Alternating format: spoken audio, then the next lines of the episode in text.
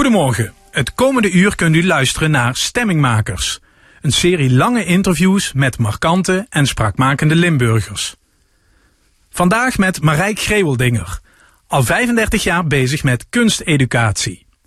Een gesprek over haar eigenzinnige aanpak als kinderjuf, het belang van zintuigen, haar jeugd in Horst, haar zeven kinderen en over de kunst van het ouder worden. Luistert u naar Stemmingmakers met Marijk Greweldinger.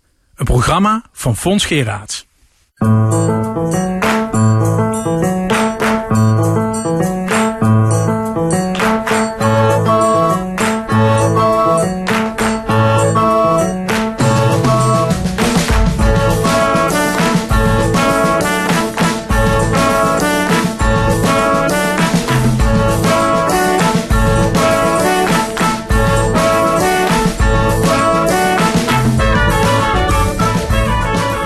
Hoe is het om, uh, om, om 60 te zijn? Dat vind ik helemaal prima. Dat vind ik. Uh, uh, ik vind wel dat mensen erover gaan praten. Dus Marijk, ben je niet, eh, voel je niet oud? Marijk, wanneer ga je stoppen met werken? Marijk, ik zou wat langzamer aan gaan doen. maar zo voel ik dat zelf helemaal niet. Ik heb nog energie. Die is net zoals dat ik twintig was. Of misschien heb ik nu wel meer energie dan toen ik twintig was. En aan de andere kant heb ik een enorme rugzak vol met inhoud. En dat vind ik dan heel fijn. Dat kan ik delen met andere mensen. Dus daarom denk ik dat 60 voor mij uh, geen, uh, is geen punt. Nee, ik vind het wel leuk. Ik wil het ook wel uitdragen dat, uh, dat je op een blijmoedige manier 60 kunt worden. En vroeger zei ik al, met vriendinnen zo onderling, het is wel een kunst om goed oud te worden. En dat knoop ik steeds maar in mijn oren. En als je terugkijkt op die periode, heb je dan ergens spijt van? Zou je dingen anders doen? Nee, ik denk, ik denk het niet. Nee. Nee, ik, ik denk niet dat ik. Uh, ik denk dat ik.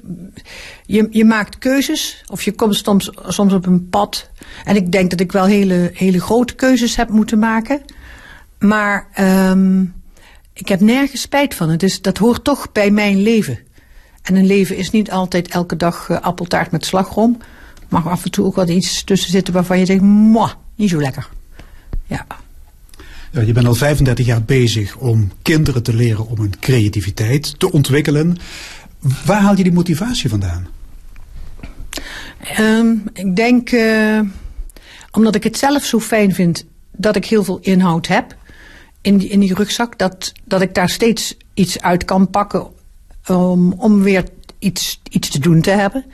En ik denk dat als je een gevuld leven hebt, op wat voor manier dan ook, dan dat helpt ook om dat leven te leiden. En we worden steeds wat ouder, zegt men. Als je geen gekke dingen onderweg tegenkomt. En dan vind ik het wel fijn als je die tijd die je hebt, dat je daar iets, iets moois van kunt maken. Dus dat, als dat leeg zou zijn, denk ik dat je je gaat vervelen. Voor, vervelen ga je je naar voelen. En dus nee, ik denk dat ik, uh, dat ik dat heel prettig vind. Maar kinderen zijn energievreters. Ben je niet kapot aan het eind van de dag? Nee, helemaal niet. Nee. Nee. Ik denk ook dat dat een conditie is. Ik denk dat je voor elk werk een bepaalde conditie moet hebben. En uh, dan denk ik wel, dat is wel iets voor elke les, al die 35 jaar, denk ik altijd, ik weet niet of ik het nog kan. Zou ik het nog kunnen? En dan komt, net zoals dat je het podium opgaat, hè, dan heb ik, oeh, waar ben ik weer aan begonnen? En, uh, en dan komen er, de eerste kinderen komen binnen. Ah, Marijk, hoi, hoi, juf, hoi. En dan is dat weg. En dan begint dat circus. En dan, ja, dan, daar, daar kan ik enorm van genieten. Maar je ligt s'avonds niet uitgeblust, uitgeput op de bank? Nee. Jij zegt, het is een soort mindset. Ja, ik, uh, nee, ik heb volgens mij ook niet eens ergens een bank waar ik op kan zitten. Nee. nee, nee. En moet je erg van kinderen houden om dit werk te doen? Denk het wel. Denk het wel. En ik, ik hou van kinderen in die zin dat ik ze ook los kan laten. Hè. Dus niet dat ik, uh, dat ik als ik vakantie heb, dat ik ze dan verschrikkelijk mis. Nee, ik zet ze altijd op de bus naar Bemelen, zeg ik, op 30 juni. En dan zo uh, eind augustus, dan mogen ze allemaal weer terugkomen. Dan staat die poort weer open. En dan vind ik het ook prima dat ze er niet zijn. Ik vind gewoon de tijd dat kinderen hier zijn, vind ik het fijn om samen dingen te delen die ik heel erg de moeite waard vind. Of dat kinderen zeggen, wil jij met mij iets delen. Dat zij iets heel erg de moeite waard vinden waarmee we aan de slag gaan. Ja, vind ik ook heel leuk. Die, die interactie tussen kinderen en mij. En ze weten ook heel goed dat ik van dingen hou. Dus als, ik, uh, als iemand met een schelp aankomt, dan weet, ik altijd, weet je altijd, oh, daar krijg ik gehoor bij Marijk. Of um, ze hebben strikken in de haren. Sommige kinderen gaan zich ook echt kleden. Hè? Kleurrijk, uh, strikken in de haren, uh, grappige schoenen, gek tasje bij zich. Ja, dat, dat willen ze delen met me. Hou je ook van grote mensen? Um, ja, ik hou ook wel van grote mensen. Maar dat vind ik zelf wat moeilijker. Ik, ik, ik vind het moeilijker om met grote mensen om te gaan, of met volwassenen, dan met kinderen. En zit, zit er een verborgen misantropische kant aan, Marij Grebeldinger? Ik weet het niet. Ik, uh, ik, ik, ik, ik, ik sta altijd een beetje op afstand naar, naar die grote mensen te kijken. En misschien het grote mensen die mij met, altijd met kinderen zien, dat, dat ze dat ook wel apart vinden. Van hoe krijg je dan een ingang bij Marijk? Ja, als groot mens. Ik had laatst wel, vond ik heel leuk, uh, heb ik een avond voor ouders gegeven. Dan dacht ik van die ouders die komen hier iedere week maar hun kind brengen, maar die weten misschien helemaal niet wat ik doe. Ja, natuurlijk weten ze wel dat ik zing en dat ik, maar hoe dat dan toegaat in ons. Het is een beetje zo geheim genootschap als die kinderen en ik hier zijn. En daar zitten geen ouders bij. Op het moment dat ouders komen, dan verandert ook die sfeer. Dan is, dan, dan is die magie ook is verbroken. En dus ik dacht, nou laat ik eens een avond doen, grote mensen. En die waren echt verrast over het feit wat, hoe, dat, hoe dat bij, ook bij hun binnenkwam. Dus dat vond ik heel erg leuk om te doen. Ja. We zitten in jouw atelier, ja. werkkamer, annex woonhuis, alles eigenlijk onder één dak. Is dat makkelijk of heeft dat ook nadelen? Um, dat heeft zijn voor- en zijn nadelen. Heeft eigenlijk alles. Hè. Um, het, het, het voordeel is dus dat, je, dat mensen echt bij mij thuiskomen. Het is uh, een gastvrijheid die ik ook weer heel graag wil delen. En het is helemaal uh, ja, gevuld met allemaal kleine dingetjes. En, en, en het vraagt dus ontzettend veel verzorging. Dus dan denk ik altijd, ook speel maar eens een keer weer museumpjes. Zoals ik dat in het Bonnefante Museum altijd zie. Dat ze alles aan het afstoffen zijn. En nou, dan heb je alles weer in je handen gehad. Dan weet je ook weer wat, het, wat er allemaal is. Dus dat is wel, het moet ook altijd wel een bepaald uitstraling hebben. Je kunt niet zomaar allemaal dingen laten liggen. Dat doe ik nu in de vakantie wel. Maar als de gasten komen, dan is het wat, ja, een uh, georganiseerde chaos. Ik zie veel instrumenten, uh, platen, uh, ook een flinke boekenkast. Je bent een vervente lezer. Ja, ik hou ongelooflijk veel van lezen. Ja, en dat is echt vanaf dat ik heel klein was, dat ik uh, thuis natuurlijk ook wel boeken om me heen zag. En dat ik weet dat ik nog niet kon lezen en dat ik dan naar de kleuren en de vormen van de kaften keek. En dat vond ik zo fascinerend al. Dat, en dan keek ik in het boek en dan snapte ik daar nog helemaal niks van. En vanaf dat ik in de eerste klas zat, hè, wij zaten nog in de eerste klas. Um, dat eerste boek dat ik kon lezen, ik vond dat zo'n openbaring. En uh, ja, dat doe ik tot op de dag van vandaag nog dol op lezen. Is er een boek dat je leven heeft veranderd? Ja, ik ben heel erg dol op couperus. Dus dat ben ik gaan lezen vanaf dat ik uh, 15, 16 ben. En ik denk wel dat dat een schrijver is met de beschrijvingen van decors. Uh, zijn bijvoeglijke naamwoorden, zijn uitgebreide lange zinnen. Dat dat wel, um, dat dat wel een beetje mij is. Een beetje Marijk is. En dat je dat hier eigenlijk ook allemaal terugziet. Alleen dan met een knipoog en, en op zijn Marijks. En dus die couperus die vind ik wel een, heel, een hele belangrijke. Maar ik ben nou Le Thibaut aan het lezen van Martin. En dat is iets, dat vind ik indrukwekkend. Het is een, uh, zijn twee delen. Hij heeft een Nobelprijs uh, voor de literatuur in 1937 gekregen. In Nederland pas geleden vertaald, in 2014. Zo bijzonder van twee broers die de periode voor de Eerste Wereldoorlog en dan die Eerste Wereldoorlog. En het zijn uh, 1800 pagina's. Ik ben nu bij uh, 1200. Ik kan, ik kan niet uh, ik heb steeds moeite om het weer, mm -hmm. weer weg te leggen. Omdat dat... Um, ik vind dat een hele belangrijke moment in, in de geschiedenis, in onze recente geschiedenis, waar je bijna weer een beetje nu en toen. En dat vind ik, dat vind ik wel heel intrigerend. Ja. Marijke, en hoe zintuigelijk ben je? Hoe belangrijk vind je ruiken, voelen, proeven, kijken? Aller, aller, aller, allerbelangrijkste. Dat is mijn basis. Ja, Spinoza vindt dat uh, primair. Die, heeft daar, die vindt dat uh, nou, tweede rangs. Maar ik vind dat echt eerste rangs. En als je dat kunt en bent, hebt kunnen blijven vasthouden vanaf dat je je eerste zintuigelijke fase 0 tot 7 jaar hebt. Dat is fantastisch. Dat je daar steeds op terug kunt, uh, kunt vallen. En uh, dat je blij kunt zijn. Uh, dat, ja, er zitten allemaal emoties aan, aan, aan zintuigen vast. En dat is ook maar, maar dat gebeurt automatisch. Je hoeft niet die zintuigen nee. te mobiliseren. Nee. Die, dat werkt gewoon. Nee, dat werkt de hele dag door. Ja, ja dat is... Vermoeiend ook wel, of niet? Nee, dat vind ik niet. Nee. Ik denk ook om, dat je... Dat je, ik, ja, het is je raakt een... niet overprikkeld. Nee, nee, nee, ben, nee, daar ben ik helemaal niet. Nee. Dat is ook wel grappig, want ze zeggen van autistische mensen dan, hè, dat, dat met het overprikkeling of met die ADHD-kindjes. En, en ik heb heel veel kinderen met, ja, die, die, in, dat, in die spectrum al een beetje leven. Zit veel ook in de, in de kunst en in de muziek. En die vinden hier, hier ook die overprikkeling niet. Vind ik wel grappig. Dus daar ben ik wel over na gaan denken. En ook hè, daar, als je vraagt overprikkeling voor mezelf. Ik verander hier heel weinig. Dus eigenlijk heeft het alles heeft een vaste plaats. Alleen ik maak een kleine nuance steeds. En als de kinderen dan binnenkomen, mijn leerlingen, en zeggen ze met, Mark, die kaart, die is verplaatst. Maar buurman en buurman staan ergens anders. Ja, en dat vind ik er echt, dat is een spelletje.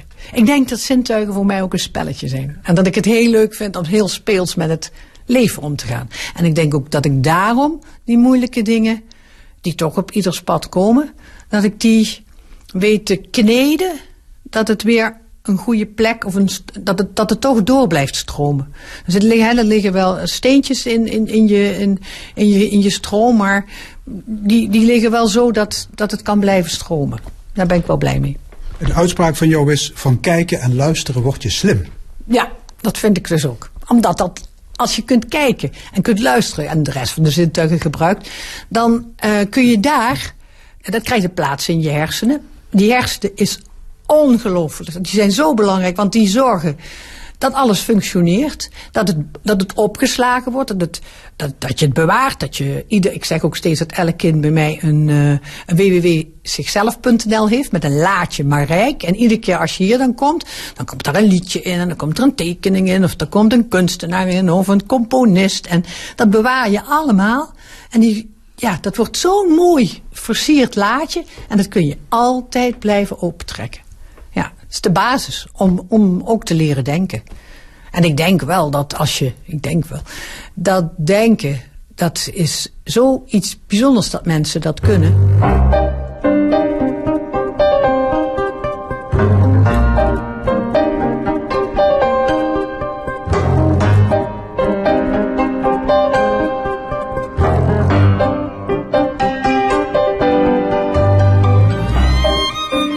Grebeldinger is geboren in Haarlem.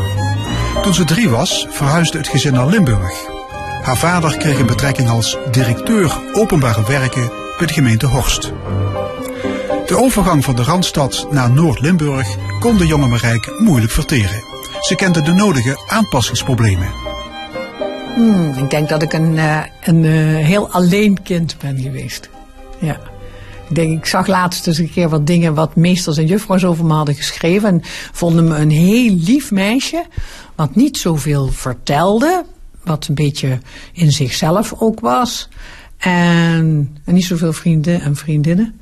Dus um, ja, misschien had ik dat wel anders gewild. Ik had, ik had liever gewild dat ze, ja, dat ze iets anders hadden geschreven. Maar ik denk wel dat ze gelijk hebben gehad. En je maakte lange wandelingen met je vader? Enorm veel. Papa heeft ons echt leren lopen, leren zwemmen en leren nadenken. Dat was het. Uh, en dus daar hoorde aan vooraf kijken en luisteren. Papa was ook echt van de zintuigen. Ja, door het bos. Prachtige bossen, Schaakse bossen, Schaardijkse bossen, Moelberenbos. Um, de Kustielse bossen. Nou ja, je had zoveel bossen. En daar liepen ook niet zoveel mensen. Maar hij liet ons dan plantjes zien en hij vertelde over de zandgronden en hij vertelde over de bomen en hij vertelde over de vogeltjes. Ja, ik denk dat ik daar. Uh, ik ben met mijn vader heel gelukkig geweest. Ja. In, in, zeker in die, in die jeugdjaren. Daar had ik, had ik een enorme verbinding met hem. Ja, en wat deed je thuis? Televisie kijken? Um, nou, ik keek ook wel televisie, maar toen was er nog niet zoveel televisie. Hè? Wat ik heel interessant vond was 1963, en dat weet ik echt dat ik nog niet met de voeten aan de grond kon, dat ik die Elfstedentocht heb gezien. Dat ik een begrafenis van een paus heb gezien. Um, sportevenementen, ja, en, en, en grote gebeurtenissen. Daar, daar kregen ze me wel voor uh, urenlang kijkend. Ja. En je moeder was actief in de politiek. Maar mhm. goed, toen was jij lang en breed het huis uit. Riet Grijweldinger, ze is nog voor het CDA gedeputeerde geweest. Mm uh, wat, wat vond zij van dat bestuurswerk? Prachtig. Mama heeft met hart en ziel van het bestuurswerk gehouden. Die politiek, dat engagement wat ze daarvoor had, dossierkennis. Nou, on, ongelooflijk. Wat grappig was, kwam laatst iemand tegen bij een concert en die zei: Goh, Greveldinger. Ik ken uh, Riet Greveldinger. Ik zeg: Ja, dat is mijn moeder. Toen lachte ze, zei ze: Ik heb zoveel respect voor het werk wat je moeder heeft, altijd heeft gedaan. Maar volgens mij heb je er niet echt een moeder aan gehad. En dat vond ik wel, uh, ja, vond ik ook wel heel mooi hoe ze dat typeerde. Want, ja, dat klopt ook. Ze was zelden of nooit thuis? Nee, ze was heel weinig thuis. Ja, dus mijn zus en ik hebben echt heel veel gezorgd voor onze uh, broertjes. En ja, ze, ze, haar hart was, was, dat, was dat werk. En dat heeft ze echt van, van, van het hele prille begin. Um, als als uh, commissielid voor de, van de commissie van bijstand in Horst. Nou, dat was het eerste begin tot inderdaad gedeputeerde voor kunst en cultuur en gezondheid. Als eerste vrouwelijke gedeputeerde in de provincie Limburg. Daar ben ik wel trots op. Ja, maar pas geleden is een boek over jou gemaakt. Ja. Daar komt je moeder nauwelijks in voor. Hoe komt dat? Uh, ja, ik denk dat mijn werk, uh, ja, dat had heel weinig raakvlakken met mijn moeder. Ja. Ik denk dat uh, na, na haar overlijden, acht jaar geleden, ben ik wel heel veel over daarna gaan denken. Vond ik ook wel weer bijzonder dat je dan beseft van dat je, dat je dan anders gaat nadenken als iemands leven stopt. Dat er komt ook niks meer bij. Dan is dat te overzien waar jij over na gaat denken. En uh, ik, ik, ik denk zeker dat. Uh, uh, ja, ze vond mijn werk ook, ook best wel lastig. Zintuigen, denk ik dat ze dat ook wel lastig vond.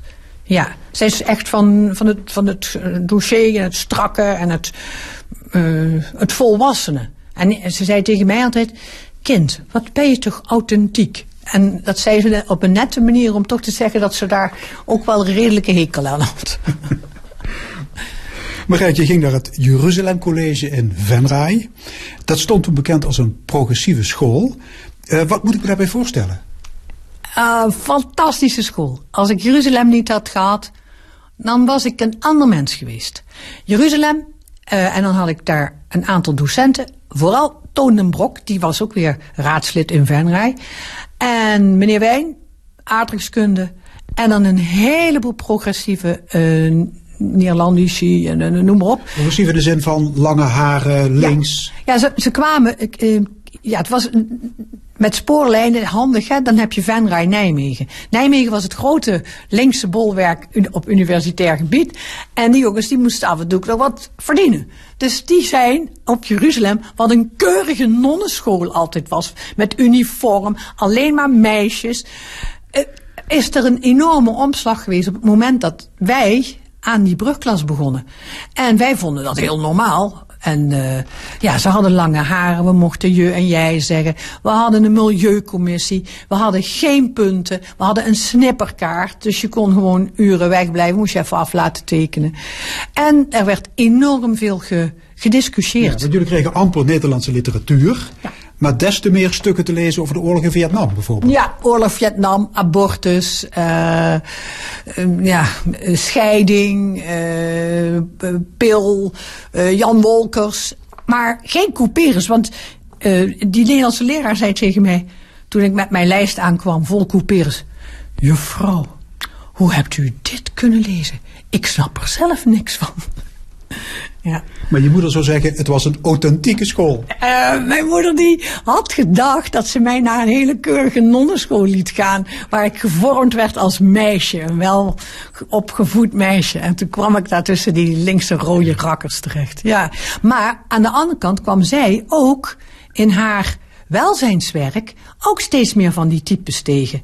Met lange haren en een eend. Want mijn moeder kon eh, geen auto rijden. En dan werd ze opgehaald door een jongen met een uilenbrilletje op, lange haren en een gele eend. En dan zat ze dan toch wel comfortabel naast. ja. Maar op je achttiende ging je het huis uit om te gaan studeren in Maastricht. Was je eraan toe om op eigen benen te staan? Ik vond natuurlijk zeker wel. Maar ik denk dat ik me daar wel redelijk in vergist heb. Ik heb het best moeilijk gehad om, uh, om dat leven goed op te pakken. Ja, dat, uh, dat was natuurlijk dat. Ik ging naar de kleuteropleiding. Dat uh, is een fantastisch mooie opleiding hoor. En het was een Jena-planschool en het was heel progressief. Maar lang niet zo progressief als dat ik op Jeruzalem gewend Nee, het was niet zo'n vrijgevochten bende als op Jeruzalem. Nee, ja, meisjes die bij mij in de klas zaten vonden dat wel. Maar ja, die hadden ook niet op Jeruzalem gezeten. En op, in, op Jeruzalem werden wij allemaal voor vol aangezien. Alleen nog jonge mensen in ontwikkeling. En op de klos, daar um, wilde men graag progressief zijn, maar ze zaten zelf nog zo met zichzelf in de knoop, de docenten, dat zich dat toch weer af.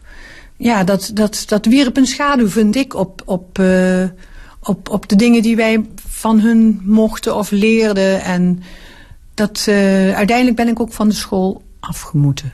Tien dagen. je hebt geen eindexamen gedaan. Nee. Leg eens uit, wat was er aan de hand? Ja, ja. Ik, uh, tien dagen voor uh, dat we moesten ook drie staatsexamens doen. Dat was in die tijd zo gebruikelijk. En ik, ik had voor mijn stage een tien volgens mij. En al die vakken. Ik was, ik was gewoon heel goed. Maar toen moest ik bij de directeur komen. En bij een van de mentor moest mijn moeder meenemen. En toen zeiden ze, u krijgt van ons geen diploma. Nou, ik was wel verbaasd. Ik werd, ik werd er niet, raakte er niet van in paniek. Maar toen zei hij wel, ik vroeg wel waarom. Wij vinden dat u te veel kind bent. U bent niet volwassen genoeg om dadelijk een betrekking voor de klas te hebben. Ja, nou was daar wel aan vooraf gegaan dat ik geen godsdienstexamen wilde doen. Dat was hier nog wel echt verplicht. Nou, dat was in Frankrijk. Dat was nog het regime van Bisschop Gijzen, denk ik, hè? Uh, ook dat. Maar dat vond ook de geschiedenis, of de, de godsdienstleraar van school. Dus hij zei dat hij het spijtig vond dat ik niet geloofde. En uh, terwijl ik had heel erg mijn best gedaan voor al die projecten, maar ik. Ja, ik was op dat moment dat ik dacht, ja, ik hoef dat godsdienstexamen niet. Maar dan krijg je geen betrekking, zei ze, want al die scholen zijn hier nog katholiek. Nou, dat is dus een beetje het verschil Venray, Jeruzalem en destijds 77, 78. Maastricht was nog echt wel uh, wat, wat, wat conservatiever. Ja, maar je verliet de school kortom zonder diploma. Ja, en ik heb meteen mijn fiets gepakt en ben doorgefietst naar het conservatorium en ben daar papieren gaan uh, invullen omdat ik toelating wilde doen. Want daar lag mijn droom. En dat vond mijn moeder minder geslaagd, want ze dacht, nou, als ze nou nog kleuterleidster wordt, dan heeft ze nog tenminste enig cachet. En als ze dan trouwt met een geschiedenisstudent, dat wilde ze ook nog wel voor me regelen, dan kwam het goed in haar ogen. Maar je ging naar het conservatorium, maar je was niet bepaald een, een notenvreter. Nee. Wat, wat was je bedoeling? Precies dat te gaan doen wat ik nu doe. Ik, uh, ik wilde zo graag iets met kinderen. Dus vandaar ook die keuze voor de klos. Dat vind ik ook altijd een hele prima keuze geweest. Maar ik wilde zelf helemaal niet graag alleen voor de klas staan met één groep. Maar ik wilde uh, kinderen ja, leren denken zoals ik, of in ieder geval ik wilde ze dat meegeven van hoe ik denk. En omgaan met verbindingen maken. Dat uh, het, het spelelement van je leven, dat je, dat wilde ik ze geven. En op welke manier ik dat wilde gaan doen, dat, dat, was nog niet uitgekristalliseerd. Daar heb ik dat hele leven daarna ja. voor gekregen. Maar het is wel zo dat, dat ik dat wel wilde. Ja.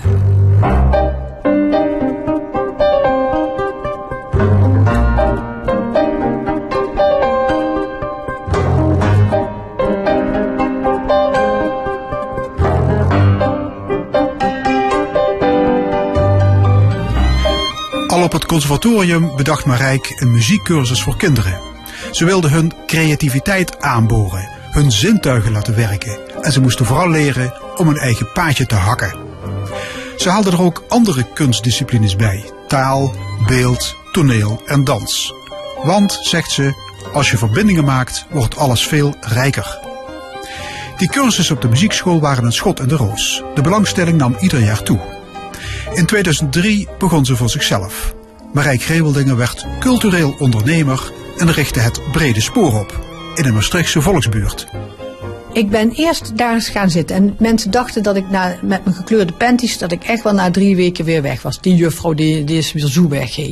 Nee, die juffrouw ging niet weg. Ik ben met mensen in gesprek geraakt. En de mensen zagen wat ik, wat ik deed. Ik had allemaal stippels op mijn raam. Het was heel kleurrijk. En ze vonden me leuk ik vond hun fijn. Ik ben met een Marokkaanse mevrouw aan de overkant ben ik brieven gaan vertalen. En andere mevrouw bracht eten voor de konijnen. Uh, als de ramadan was, werd er eten gedeeld met ons. Zo bijzonder. Maar toen ben ik met hun gaan praten. Um, want je, je kunt niet in tarieven gaan, uh, gaan schommelen. Misschien ook niet in die sociaal. Je wilde ze ook niet voor het blok zetten. Maar ik zei, hebben, zouden jullie het ook leuk vinden, fijn vinden als we iets met de kinderen uit de buurt zouden doen? Nou, toen zijn we dat stap voor stap gaan doen. Eerst heb ik stagiaires gekregen, dus oudere kinderen, die van opleidingen bij mij uh, met de kinderen meekwamen spelen, die ze mee gingen leren knippen. Dat was al een hele stap. Toen ben ik projecten gaan maken dat ze mee naar het Limburg Symfonieorkest zijn gegaan. Um, dat ze met mij decors daar hebben gemaakt. In, in het, uh, dat ze dus apart bij mij kwamen in het atelier. En uiteindelijk heeft het geresulteerd dat ik het project Get Lekkers heb bedacht. En dat ben ik op peuterspeelzalen en basisscholen gaan doen. Want dan bereik je namelijk alle leerlingen. En als je het naschoolse uh, gebeuren hebt, dan komen er toch maar weer een paar kinderen. En ik wilde iedereen de kans geven. Maar wat is jouw filosofie als kunstdocenten voor kinderen? Wat is jouw specifieke aanpak? Op de eerste plaats dat de kinderen zelf wil laten leren denken. Via kunst, muziek. Um, en dan, kunnen, hè, dan horen daar ook vaardigheden bij. Maar het zelfstandig leren denken. Waardoor je je eigen creativiteit leert ontdekken. En of je nou dokter wordt of dat je muzikus wordt of dat je postbode wordt, het maakt niet uit, maar je eigen individuele creatieve denken. Wat je altijd bij je hebt en wat je altijd tevoorschijn kunt halen, je hele leven lang. Want dat is juist het voornaamste, denk ik.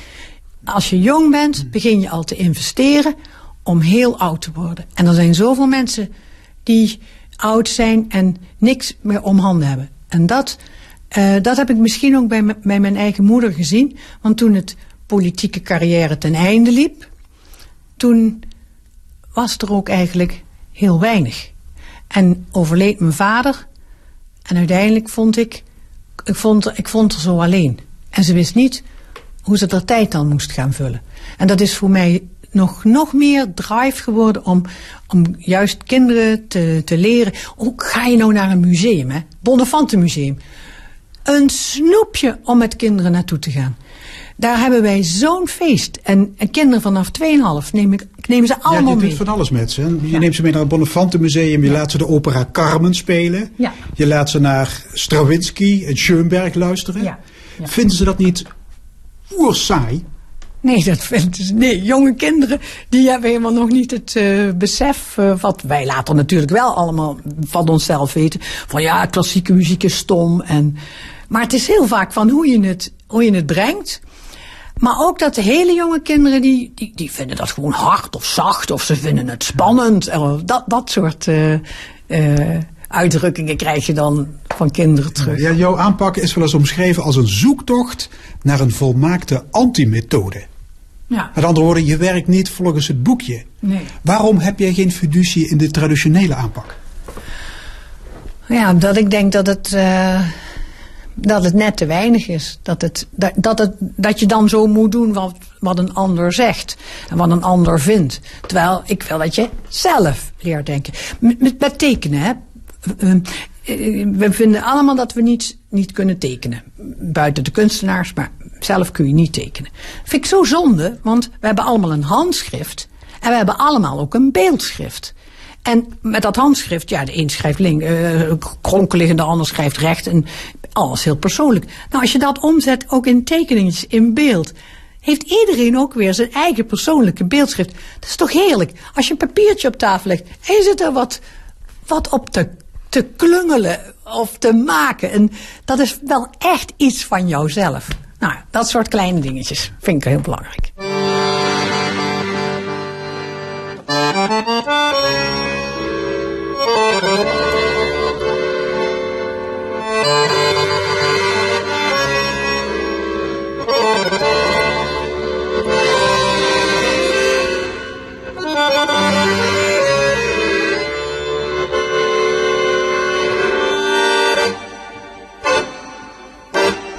Marijk, je hebt zeven kinderen gekregen. Ja. Um, waarom wilde je zo'n kinderrijk gezin in deze tijd? Ja, ik denk, ik denk ja, het is ook, ja, de oudste is 31, dus het was ook wel weer even geleden. De jongste is 20. Um, ja, ik denk dat er meer redenen zijn. Ik riep vroeger al als kind dat ik vijf kinderen wilde hebben. En dan lachte iedereen. Maar ik vond het ik, ik vind het heerlijk om kinderen om me heen te hebben. En om, om, voor ze te zorgen. Maar ook binnen die zorg ben ik naar mijn eigen kinderen. Je eigen zelfstandigheid. Je eigen weg kiezen. Uh, ja, als, dat zullen mijn eigen kinderen meteen herkennen. En ook meteen om lachen. Ik, uh, ik heb een van mijn dochters, die, uh, die was toen 14. En haar grote broer was 18. En dan stond ze voor me en zei ze... mama, mag Bobine mee naar Ziget? Dat is een groot pop, popfestival in, uh, in Hongarije, in Budapest. En toen zei ik, uh, ja, is goed. En mensen, huh, Marijk. Maar ik wist gewoon, Jonathan, mijn grote zoon, die vond het heerlijk om zijn zus mee te nemen. Ze had geen betere oppas kunnen krijgen. En hij leefde voor van hoe je daar weer kon zijn. Nou, en dat heb ik zo dat vind ik een van mijn voorbeelden van uh, ook vertrouwen hebben. Zelfvertrouwen. Vertrouwen hebben, loslaten. Ja, ja, en, en dat doe je niet van de ene op de andere dag. Maar dat doe je dus eigenlijk vanaf de dag dat zo'n kindje geboren wordt. Onze oudste, Madelief, is geboren met een beperking. En ik vond het, uh, ik vond het in overleg met mijn partner daar moeten wel meer kinderen omheen. Maar het lief alleen laten opgroeien, dat is zo eenzaam voor haar. Ze moet familie hebben. Nou ja, en toen uh, is er een, een heel gezin omheen. Ja, jij wist trouwens dat zij gehandicapt ter wereld zou komen, hè? Ja. Ja, dat is, uh, heel, dat is wel nog steeds wel een bijzonder verhaal. Ja, je hebt tegen mij verteld, de gynaecoloog zei van tevoren... dat babytje is niet verenigbaar met het leven. Ja. En toen dacht jij, dat zullen we nog wel eens zien? Nou, daar ging aan vooraf dat ik vanaf dag één dat ik wist dat ik een kindje zou gaan krijgen, voelde dat dit kindje niet oké was. Ja, wel een oké kindje, maar dat ze iets had. En ik wist ook dat het, in de volksmond heet dat een, een waterhoofd. Ja, dat kan natuurlijk. Ik snap ook wel dat gynaecologen dan zeggen, ja mevrouw Geveldingen, nou u bent toch wel een beetje malle, malle mevrouw. Want dat, dat kun je ook niet weten. Maar ik bleef daar maar over zeuren. En toen zeiden ze met zes maanden van nou oké, dan mag je wel uh, een echo laten maken. Dat was toen niet zo gebruikelijk nog. En uh, die meneer die die echo ging maken, die zei ook, ah mevrouw, het zal wel meevallen hoor. Hè, wat komt u eigenlijk doen? En uh, toen ging hij toch kijken, toen werd hij heel stil. En toen zei hij van, wat ik hier zie is niet met het leven verenigbaar. En toen had ik op dat moment, dat is natuurlijk heel schokkend als je zoiets hoort, maar ik had ook zoiets van een opluchting. Hè? Eindelijk geloven ze me eens een keertje. En toen zei hij van, nou, ik moest ja, even na gaan denken. Ik kreeg daar een paar uur voor, wat ik daar dan, uh, wat we dan gingen doen. Nou ja, goed. Ik wilde gewoon Madelief heel graag hebben. Uiteindelijk werd het dus ook Madelief, omdat ze is in juni geboren. En ik moest toen heel vaak naar het ziekenhuis. In die aanloop daar naartoe. En uh, er waren overal madeliefjes. En daar, als je op een madeliefje stapt, komt altijd terug. Ik dacht, dat is een heel sterk bloemetje. Ik noemde hem madelief. En, uh, dat, uh, en die naam heeft ze ook zich... Ja, die heeft ze met verve draagt ze die. Want onze madelief is nog altijd bij ons. Ja. Een ander uh, kindje heeft maar vijf dagen geleefd, ja. hè, Rosemarijn. Mm -hmm. um, en de laatste is autistisch. Uh, is dat domme pech? Hoe, hoe, hoe, verklaar je dat? Ja, zeggen ze wel dat dat domme pech is. Rozemarijn had een hele aparte afwijking. En ook dat had ik van tevoren gevoeld. En ook tegen mensen gezegd, dit, dit kindje wordt een sterretje. En toen zeiden we, ah, maar rijk twee keer, dat is helemaal, uh, zal wel meevallen. Maar uiteindelijk, uh, ja, ze werd geboren en dacht ik, oeh, dit gaat niet zo worden. En zei ze, ah, is een beetje zwak start, komt wel goed. Maar na vijf dagen moest ik er, uh, moesten we toen het besluit nemen van nog een operatie. Met wel de kans dat ze dan tijdens de operatie zou overlijden. Of laten we er wegvliegen. En dat heb ik... Um, ja, ik, ik had altijd na maand lief nog het gevoel van het kan echt erg hoor. Het, er komen nog wel andere dingen op mijn pad. En toen hebben we dat uh, weg laten vliegen. En nou ligt ze um, op uh, Kerkhof, op Sint-Pieter. En dat is een mooie plek. Ik ben wel blij dat ze daar ligt. Dat ik daar altijd naartoe kan gaan. Dat ze, want ze is maar vijf dagen bij ons geweest. Ik had wel het gevoel dat ze haar hele leven had geleefd. Maar wel dat ik daar nog naartoe kan gaan. Ja, vind ik heel fijn. Heeft dat je kijk op het leven veranderd? Ja, ja ik, ik vind uh, leven heel kostbaar. En ook dat ik de, toch, ik vind het toch wel geschenken dat ik voor al die kinderen mag, uh, mag zorgen als moeder. Ik vind moederschap dus ook heel erg fijn. En ik ben geen kloek, helemaal niet, maar uh, ze volgen, met ze spreken. Dat ze ook allemaal zo hun eigen weg zijn gegaan. Ze zijn allemaal zo anders. En toch, als je hier aan die grote tafel, uh, dan komen ze na de vakantie weer allemaal met hun verhalen. Of uh, de betrokkenheid naar elkaar. Ja, het is echt een club. Ja. En iedereen is welkom. Ik ben Jan van Dongen. Ik ben hoofd amateurkunst en sociaal domein bij RIK. Uh, RIK is het regionaal instituut voor cultuur en kunsteducatie in Weert. En ik ken Marijk sinds mijn studietijd. Uh, in 79 waren we allebei op het conservatorium in Maastricht. En uh, we studeerden schoolmuziek. En dat was onze eerste ontmoeting. Wat zijn haar verdiensten? Hoe op dit moment? Haar verdiensten zijn dat ze zich enorm ingezet heeft voor cultuureducatie, met name voor jonge kinderen. En dan, uh, ik vind het fantastisch hoe zij alle disciplines integreert en ook echt ingaat op de individuele kinderen zelf. Op wat het kind beweegt, uh, hoe het kind gemotiveerd kan worden. Ze raakt echt de kinderen op zielsniveau. Is het iemand met een grote verbeeldingskracht? Ja, ze heeft een enorme verbeeldingskracht. Je ziet het ook als je er ziet. Ze, ze ziet er uh, excentriek uit. Ze is enthousiast, open. Uh, en ze, ja, ze gaat echt om met, met je als mens, zeg maar. En is ze zelf eigenlijk altijd dat meisje gebleven? Zeker, ja. Ze is uh, een volwassen vrouw en uh, ook een echte moeder. Maar het is echt ook het enthousiaste speelse kind nog hoor. Ja. En waar komt die gedrevenheid vandaan? Ik denk dat zij uh, heel erg gedreven is om die kinderen uh, de verwondering te geven waar ze de rest van hun leven plezier van hebben. Om buiten de grenzen te denken, om buiten hokjes te, te denken. Uh, wat tegenwoordig heel erg uh, in is en bekend is, is het werken met 21st century skills. Uh, hoe maak je kinderen weerbaar? Hoe maak je, leer je kinderen kiezen? Nou, eigenlijk doet Marijk dat al, al 40 jaar. Krijgt ze voldoende waardering voor dat werk? Ik denk in, in kleine kring wel. Maar ik vind wel dat haar werkwijze en haar visie veel meer waardering en veel meer navolging zou moeten krijgen. Ik heb zelf hier in Weert een aantal docenten naar haar gestuurd voor bijscholing. En die zijn allemaal razend enthousiast over haar aanpak. En die zien ook allemaal dat wat zij doet ook echt enorm niveau heeft. Uh, ook haar kennis en haar inzet en haar omgaan met kinderen. Dat is van een enorme kwaliteit. En daar kunnen heel veel docenten, met name die met jonge kinderen werken, veel van leren. Is het alleen maar Hosanna of heeft Marijk Greveldingen ook nog zwakke punten? Ja, ieder mens heeft zwakke punten. Als ik naar haar zou kijken als, uh, als muzikus of als docent, dan. En wat ze nu gedaan heeft, ze is eigenwijs. En dat brengt je heel erg ver. Maar daarmee ja, verspeel je ook sommige kansen. Ik denk bijvoorbeeld aan de tijd dat ze bij Cumulus werkte. Ze heeft een hele sterke visie. Ik denk dat ze daar heel veel had kunnen bereiken. Maar ze houdt zo vast aan die visie dat dat ooit kan botsen, zeg maar. Hmm. Dus niet echt uh, plooibaar, kan maar zeggen.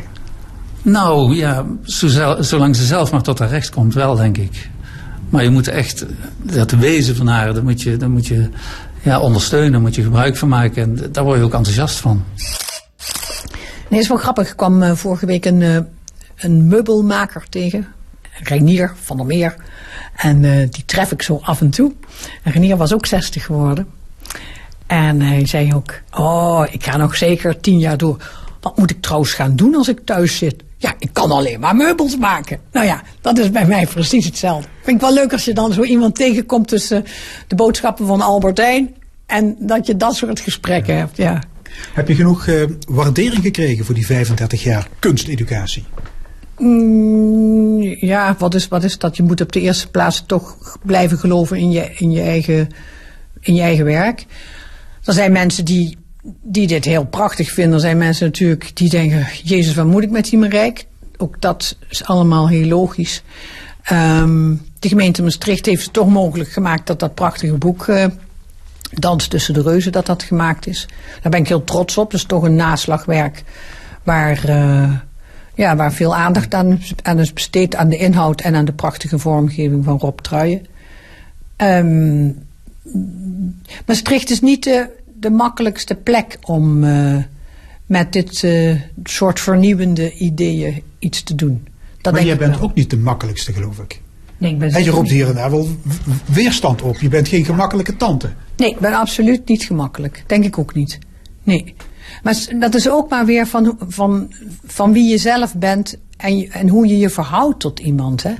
Ik vind soms mensen ook niet makkelijk. En dan zijn ze voor zichzelf, voelen ze dat dat wel heel makkelijk is. Ja, het zijn, het zijn verhoudingen. Dat vond ik ook wel grappig, want als je mijn zus en mij vergelijkt, dan zijn wij enorm verschillend, komen wel uit datzelfde nest.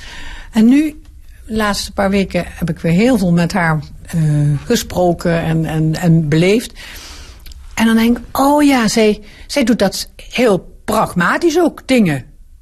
Af, beginnen, plan, afsluiten. Beginnen, plan, afsluiten. Dus dat is heel manageriek denken ook.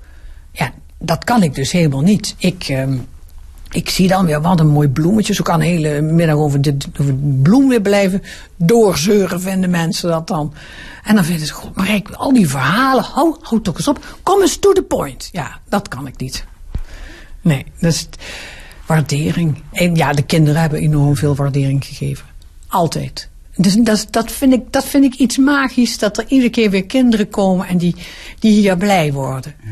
En die vinden mij niet lastig. Ja. Dus dat, in, in dat boek waar je het net over had, uh, dus Dans tussen de reuzen, daarin zeg je ergens, ik heb de wereld om me heen dikwijls niet begrepen. Ja. En ik denk dat dat heel wederzijds is geweest. Ja, dat denk ik ook echt. Ja. Ja. Um, ik, uh, ik, ik snapte de wereld van, ja, de wereld van grote mensen snapte ik niet zo.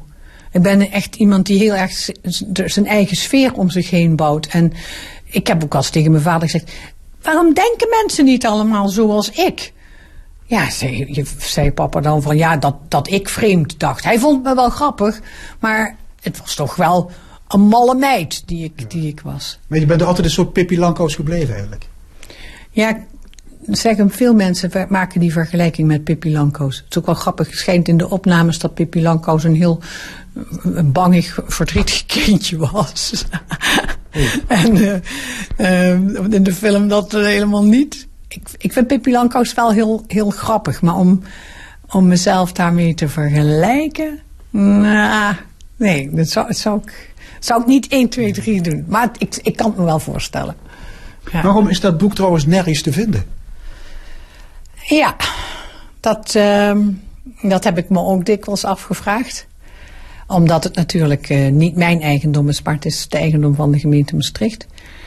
Ik, ik denk dat het niet in het beleid past om zo'n boek over een persoon.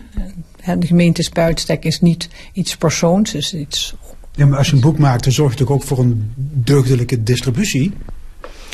Ja, ja, ik denk dat daar wat, misschien wat mis is in, in communicatie is gelopen. Maar um, ik heb nou wat exemplaren weer zelf gekregen. En ik, uh, heb ik nou een teer moeilijk punt aangeraakt? Of? Mm, ja, dat is denk ik wel. Oké, oké, oké.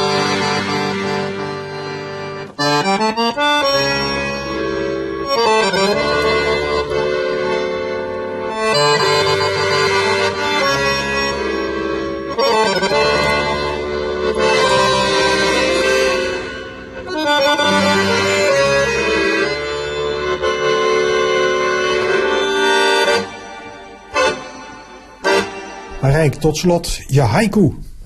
Oh ja, mijn haiku. Ginds in de verte, een stip zo klein als een vlieg, het zonlicht tintelt. Toelichting? Oké, ja, mijn dochter Bobine, waar ik heel blij mee ben, die is geboren na uh, Rosemarijn, gaat vandaag als eerste van onze hele familie een trip maken van drie weken naar Maleisië. En daarom, ginds in te verte. En ik vind altijd het oosten, daar komt de zon op.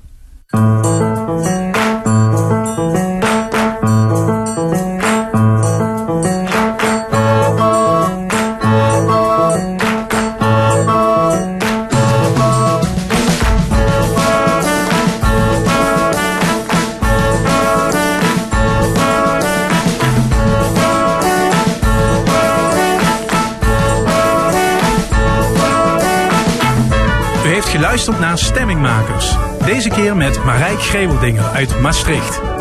Al 35 jaar bezig om in haar atelier van de zintuigen kinderen liefde voor kunst en cultuur bij te brengen. Het boek Dans tussen de reuzen is een uitgave van Bureau Caramel. Techniek Edwin Maas. Samenstelling Fons Geraerts. Tot aan het nieuwe